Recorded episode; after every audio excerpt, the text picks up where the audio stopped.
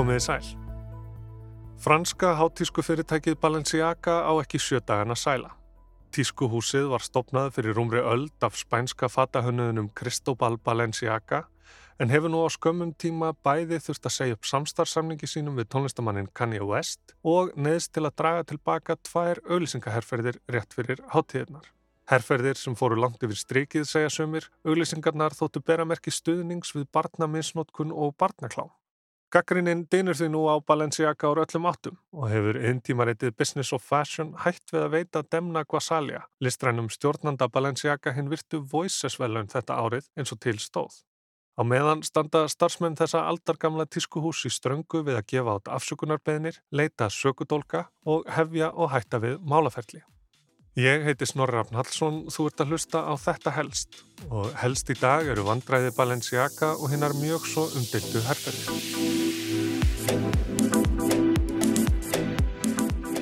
Allt frá upphafsárunum hefur Balenciaga þótt framúrstefnulegt tískuhús.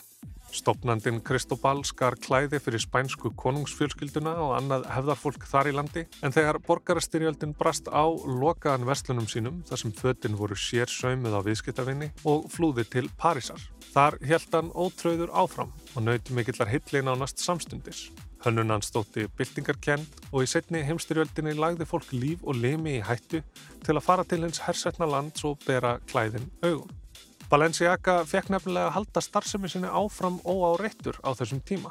Líklega vegna tengsla hans við einræðisherran og herfóringjan Francisco Franco, en Franco var allatíð náinn bandamaður Adolfs Hitler.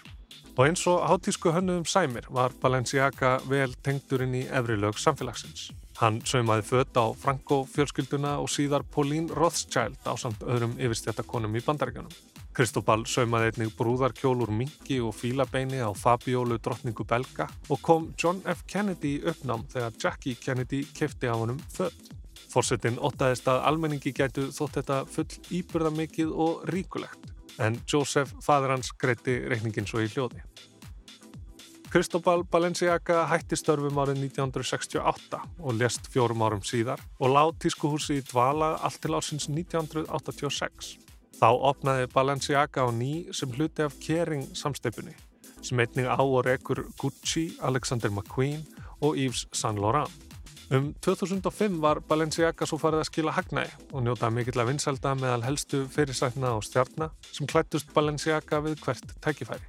Um stutt skeið var Alexander Wang listrætt stjórnandi Balenciaga en árið 2015 tók hinn georgíski Demna Guasalia við stjórnatöfunum. Við það breyttist ímynd Balenciaga töluvert en það múi greina ströyma sem kollvarpa ímynd hátísku bransans í höfundaverki Demna eins og hann er gerðnan kallaður.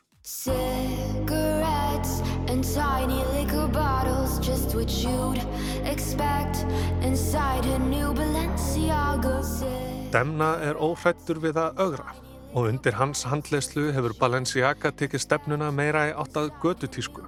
Stundum svo langt að gatan í þessu samhengi vísar ekki bara til ungmennatísku stórborga heldur þeirra sem bókstaflega eru á gödunni. Þannig var þinn alkunni blái fraktapóki frá IKEA sem alla jafna kostar 95 krónur að 2000 dollara tösku. Úr sér gengnir og skítu í stregaskór frá Balenciaga kostar litla 1800 dollara, göðripnar galabugsur eitthvað svipað. Engbergir hlustendur muna svo kannski eftir Met Gala-bóðinu árið 2021 þegar Balenciaga klætti Kim Kardashian í það sem helst má líka við sokk með slóða. Sokk sem náðinni frá kvirkli til Ilja einungist taklið stóð upp úr. Og henni við hlið, þar sem hún gekk upp tröppurnar að listasafninu, var svo engin annar en Demna sjálfur einnig klættur í allt svart andlitið huli.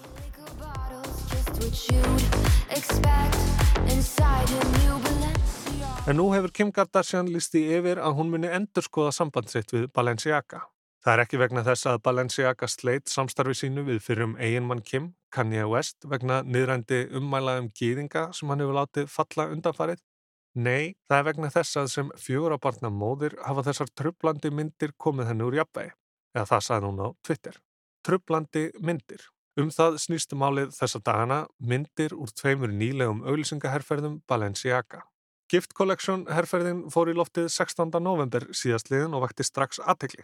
Auðlisingarnar sem eru sex talsins sína börn Á að giska fjögura til fimm ára gömul halda á tuskuböngsum. Balenciaga ætlaði sér endar ekki inn á leikfangamarkað þessu jólin. Þetta eru engin venjuleg tuskudýr sem börnin mótelera fyrir tilvonandi kaupendur heldur handtöskur. Handtöskur í læginu eins og bánsar íklættir BDSM búnaði, leðurbeislum, gattaólum og netabólum. Töskurnar höfðu fyrst verið síndar á tískusýningu Balenciaga í París fyrir á árinu en í þessu samhengi í höndum ungra, niðurlútra barna, umkringdum vinglösum og annari gjafavöru sem ekki er ætluð börnum, þótti Balenciaga fara yfir strikið.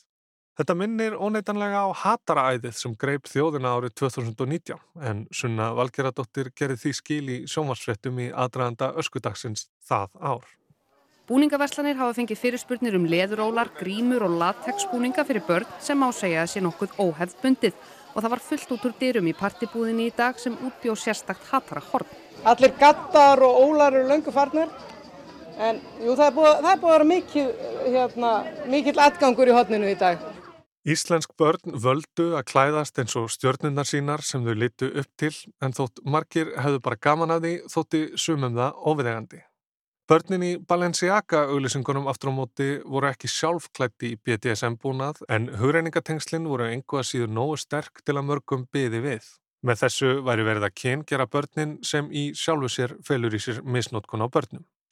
Setni herrferðin sem umræðir leitt svo dagsinsljós 21. oktober. Garde Rope herrferðin sem leikonundar Nicole Kidman og Isabel Huppert og fyrirsætan Bella Hadid sátu fyrir í. Við fyrstu sín er ekkert undarlegt þar að finna, allt óskup eðlilegt. Fyrir sætunum og varningnum er stilt upp í hefbundnu, já, eða kannski frekar svolítið flottu skrifstofu umhverfi í háhísi að þér veriðist á Manhattan. Úti fyrir sést gödumyndin í gegnum stóra klukkana en bjartar flúrperur lýsa upp umhverfið innandira. Pappirar og bækur eru svo víð og dreif á skrifstofum er vist yfirleitt unnið eða látið líta út fyrir það eins og í þessu tilfelli. Á einni myndinni mátti sjá 3000 dólara svarta handtösku. Handtösku sem í þetta skiptið var í læginu eins og handtaska og var samstarfsverkefni Balenciaga og Adidas. Töskunni var stilt upp ofan á bunkað blöðum og má greina óljósan teksta á einni síðunni. Ef vilji er fyrir hendi má því sjá vel inn og lesa hvað þar stendur. Og það gerðu netverjar. Bladabunkin reyndist útprent af úrskurði hæstaréttar bandaríkjana í máli ríkisins gegn Michael Williams sem feldur var árið 2008. Málið snýrst um það hvort lög sem bönnuðu það að bjóða barnaklámfallt breytu í báa við fyrsta viðauka stjórnaskránar þar vestra, þess sem á að tryggja málfrelsi. Alrikislög sem sett voru árið 2003 gerðu slík bóð ólögleg, hvort sem efnið sem umrætti teltist barnaklám eða ekki. Michael Williams þessi hafði bóðið leinilörglumanni myndir af ólögráða dóttur sinni var handtekinn og dæmdur bæði fyrir vörslu og tilrönd til sölu á efninu sem reyndist eftir allt saman falla undir skilgreiningu á barnaklámi. Williams játaði brotsitt en áskildi sér rétt til að láta reyna á lögum setna atriðið. Að bjóða ólöglegt efni til sölu væri stjórnarskrárvarin réttur hans til að tjá sig. Niðurstaða hæstaréttar var svo að svo væri ekki. Með sjö atkvæðum gegn tveimur staðfesti dómurinn réttmætti lagana og sæði Antonín Skalja að bóðum ólöglegu viðskipti væru skiliriðslaust undan þeginn þeirri vernd sem fyrsti viðaukinn veitir. Svo þarna, í annað sinn á fimm dögum hafði Balenciaga sendt frá sér myndir í auglýsingaskinni sem er beinum eða óbeinum hætti vísuðu til misnótkunar á börnum og barnakláms. Og þá er ekki öll sagan sögð, því í bakgrunni annara mynda úr garderóp ljósmyndaröðinni mátti glitta í aðra aðteglisverða leikmunni, nánar tildekið tvær bækur. Önnur þeirra er úr kremastir hring Matthews Barney, sem ætti að vera Íslendingum kunnur, hann var um árabil giftur Björk.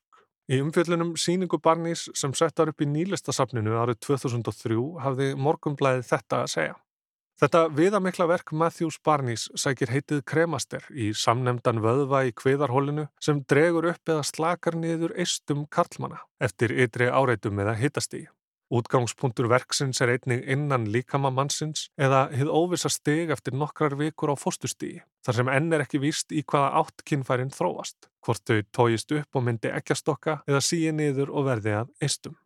Hinbókin er svo As Sweet As It Gets með málverkum eftir og rítgerðum um belgiska málaran Michel Borreman. 2018 held Borreman síninguna Fire from the Sun En á þeim málverkum sínir hann og ég vitna í útgefandan ung börn í dularfullum leik með ískikilegum yfirtónum og óbeinum vísunum til ofbeldis. Svo ég segi það bara hreint út þá sína sumar myndana blóðug börn og limlestingar mannátt.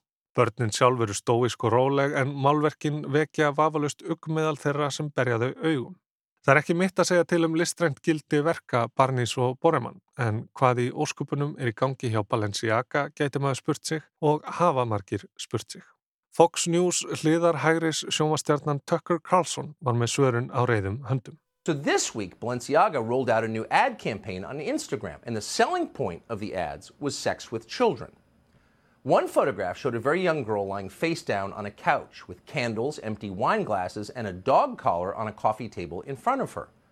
Another picture showed the same girl, a toddler, holding a teddy bear dressed in sexual bondage gear, including a leather harness.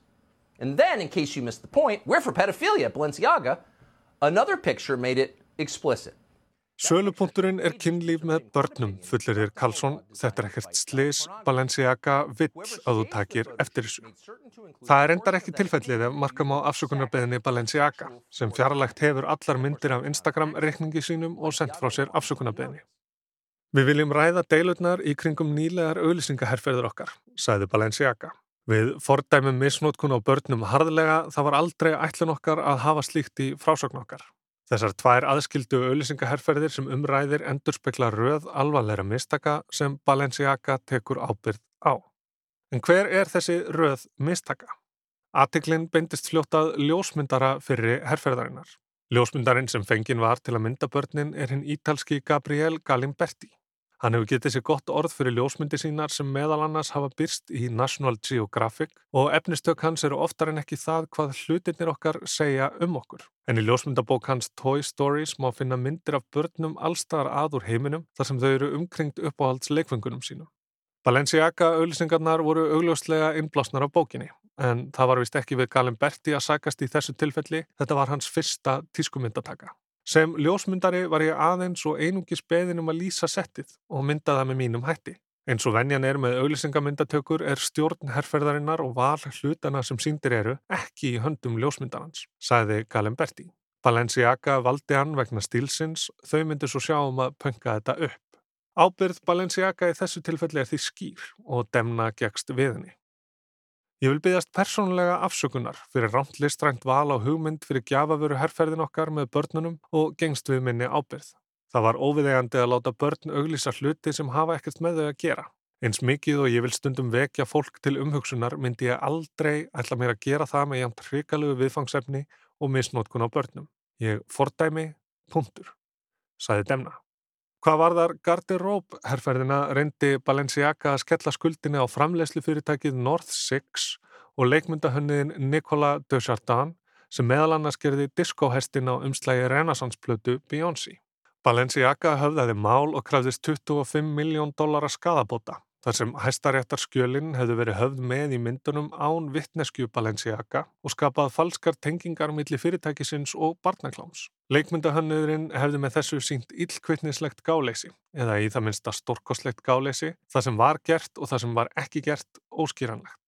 Pappirætnir höfðu sem sagt átt að vera gerfi skrifstofuskjöl en reyndust raunveruleg lagaskjöl sem líklega höfðu verið nótuð við framlegsli og sjónvastætti og fengust hjá leikmunalegu. Lögfræðingur Desjardins hafnaði því að þetta hefði verið með ráði gert. Þar að ekki hefðu fulltrúar Balenciaga verið á staðinum, meðhandlað pappir á leikmunni og valið að lokum þær myndir sem fyrirtækið byrti. Balenciaga hefur því fallið frá lögsókninni, líklega vegna þess að myndatakan fór fram í júni þó herrferðin hefist ekki fyrir inn í nóðanber. Og viðukendi Balenciaga lokum að þeim hefði yfirsjast hvað varðaði þeirra hlutverk í að stýra og hafa umsjón með verkefninu. Þau munu bæta verkverðla og gæta þess að þetta komi ekki fyrir aftur. Hvaðan listaverkabækunar tvær komu hefur ekki enn fengist staðfest, en svona í stóra samhenginu eru þær heldur lítilvægur þáttur, tengingarnar kannski full langsóttar. Cigarettes and tiny liquor bottles Just what you'd expect inside a new Balenciaga En á eftir að koma í ljós hverja langtíma afleggingar þessa klúðurs, þessarar yfirsjónar, þessa skandals verða. En svo sæði upphafi varð demna af hinnum virtu Business of Fashion Voices verlunum og hefur málið allt vakið upp spurningar um hversu langt má ganga í að auglýsa hluti og augra fólki. Orspor Balenciaga hefur beðið mikla nekki. BDSM bánsa handtörskunnar eru ekki lengur til sölu og fyrsta tískumyndataka hins ítalska Galimberti verður kannski svo síðasta, að minnstakosti í einhver tíma. Nú vil enginn vera viðriðin mig því nafn mitt er allstaðar tengt barnanýði, sagði ljósmyndarinn. Ég hef unnið að eigin verkefnum í 25 ár og þessi herrferð hefur eðalagt allt. Ég sef ekki vel, fjölskyldan mín hefur miklar áhyggjur. Þetta var helst af vandræðum Balenciaga þessa stundina. Ég heiti Snorri Rafn Hallsson og þakka áhengina.